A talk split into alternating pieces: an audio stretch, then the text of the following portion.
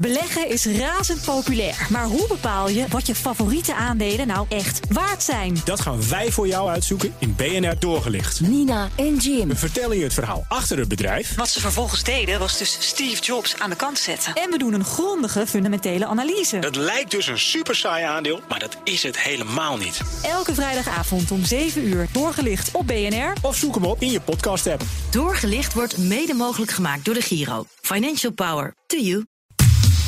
Factgoeroes. En daarom in de studio Frank Leeman. Frank, goedemorgen. Goedemorgen. En niet meer achter een kuchruit is ook wel lekker. Nee, ja, kun je weer heel goed We zien kunnen weer gewoon... spetters. Ja, ja. ja, dat is van enthousiasme, hè? Ja, dat is waar. Ja, dat is waar. Dus die krijg je nu... Je hebt gelukkig je Ja, bril die op. voel ik nu, ja. Vandaag een factcheck van een factcheck. Ja, wat ik zag bij eh, knak.be, het artikel... nee, 70 km per uur is niet beter voor het milieu dan 30 km per uur. En daarin zit zelfs het zinnetje... hoe trager je rijdt, hoe beter de luchtkwaliteit. Nou, dat klinkt bijna als de titel van een zekere podcast. Ja, dat zou zeggen. Ja, precies. Althans, een, eh, een, een, een eh, tegeltekst, een thema. Begin september hadden we TNO bij de ochtendspits. Naar aanleiding van het voornemen van gemeentes om de maximumsnelheid naar 30 km per uur te verlagen.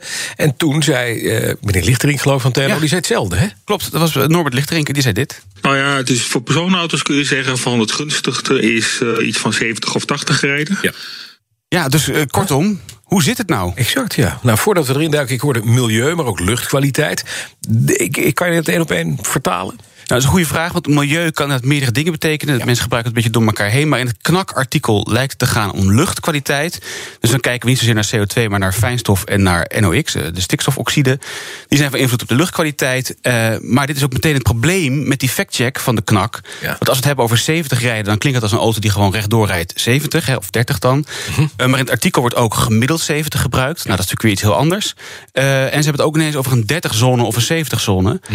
Eh, dus dat is dan een maximum van 30 of 70. Dus dat zijn allemaal hele andere dingen. Ja, dus we gooien het een beetje door elkaar. Even voor alle helderheid, dit is Knak BE, dat is een blad, dat is een magazine. Ja. Niks te maken met de Koninklijke Nederlandse Nee, precies, ja, dat is nee, oké, dat verwarrend, het even klopt, heel duidelijk is. Laten we eerst kijken naar het verschil.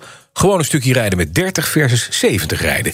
Wat geeft dan de meeste uitstoot? Nou, hierover sprak ik met Arjan Dijkhuizen, senior advisor eh, voertuigreglementering. Of ze noemt het gewoon Nederlands senior adviseur eh, voertuigreglementering van het RDW. In zijn algemeenheid kun je wel stellen dat bij een snelheid van zo'n 70, 80 de emissies eh, dus ongeveer op het laagste punt zitten. En dat bij hoge snelheden, maar ook bij lage snelheden, de emissies omhoog gaan. Wacht even, dus 70 rijden, dat betekent beter voor de luchtkwaliteit dan 30 rijden. Ja, en ook beter natuurlijk dan 100 eh, rijden. Ja, zeker. Maar hoe zit dat dan bij een eh, 30 kilometer zonne? Hoe trager je rijdt, hoe beter de luchtkwaliteit? Nou, daar wordt het meteen een stuk ingewikkelder, vertelt nogmaals het RDW.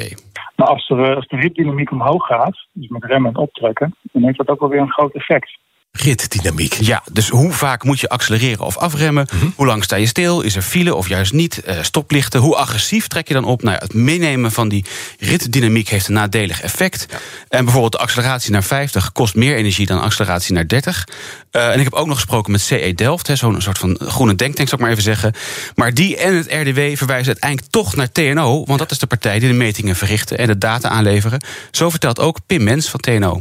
Ja, wij zijn de enige in, eh, die meten op voertuigniveau. Dus dat we hebben allerlei voertuigen eh, uitgerust met een meetsysteem. En die rijden gewoon in de praktijk rond. Dus die kunnen maar gewoon eh, monitoren. En eh, tijdens die monitoring zien wij de, de, zowel de NOx-emissies als de CO2-emissies. Dus wij kunnen gewoon allerlei snelheden kunnen we selecteren. We kunnen gebieden kunnen we selecteren. Die kunnen we met elkaar vergelijken. Ja, dus we kunnen hè, op verschillende niveaus, hè, maar op customized per auto dus... en per snelheid en per gebied kunnen ze data genereren. Bijv- Bijvoorbeeld dus van 30 kilometer zone, 50 kilometer zone, 70 kilometer Ja, zone. precies, dat kunnen ze dus vergelijken. Nou ja, en luister maar hoe dat dan eh, vergelijkt. Nou, als je constant rijden 30 en 50 vergelijkt, dan is constant rijden 30 geeft een hogere uitstoot.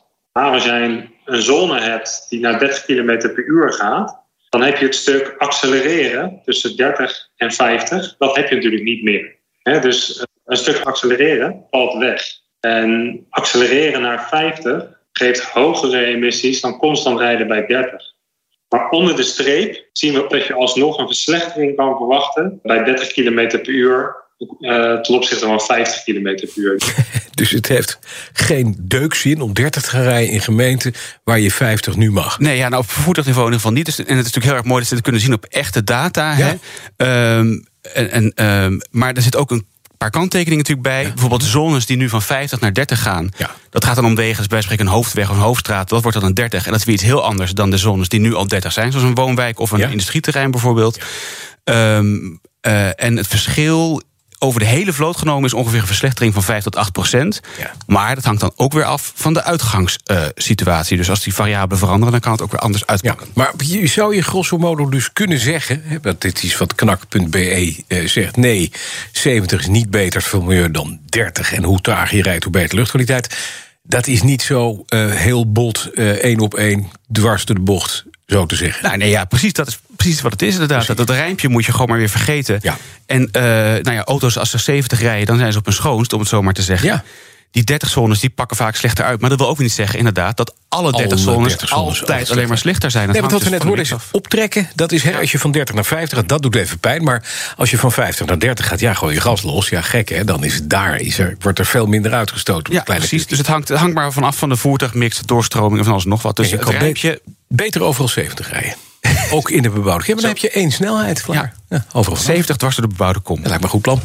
Beetje aparte fietspaden, hekken eromheen klaar. Dankjewel, Frank Lee. Beleggen is razend populair. Maar hoe bepaal je wat je favoriete aandelen nou echt waard zijn? Dat gaan wij voor jou uitzoeken in BNR Doorgelicht. Nina en Jim. We vertellen je het verhaal achter het bedrijf. Wat ze vervolgens deden was dus Steve Jobs aan de kant zetten. En we doen een grondige fundamentele analyse. Het lijkt dus een super saai aandeel, maar dat is het helemaal niet. Elke vrijdagavond om 7 uur doorgelicht op BNR. Of zoek hem op in je podcast-app. Doorgelicht wordt mede mogelijk gemaakt door de Giro. Financial Power. To you.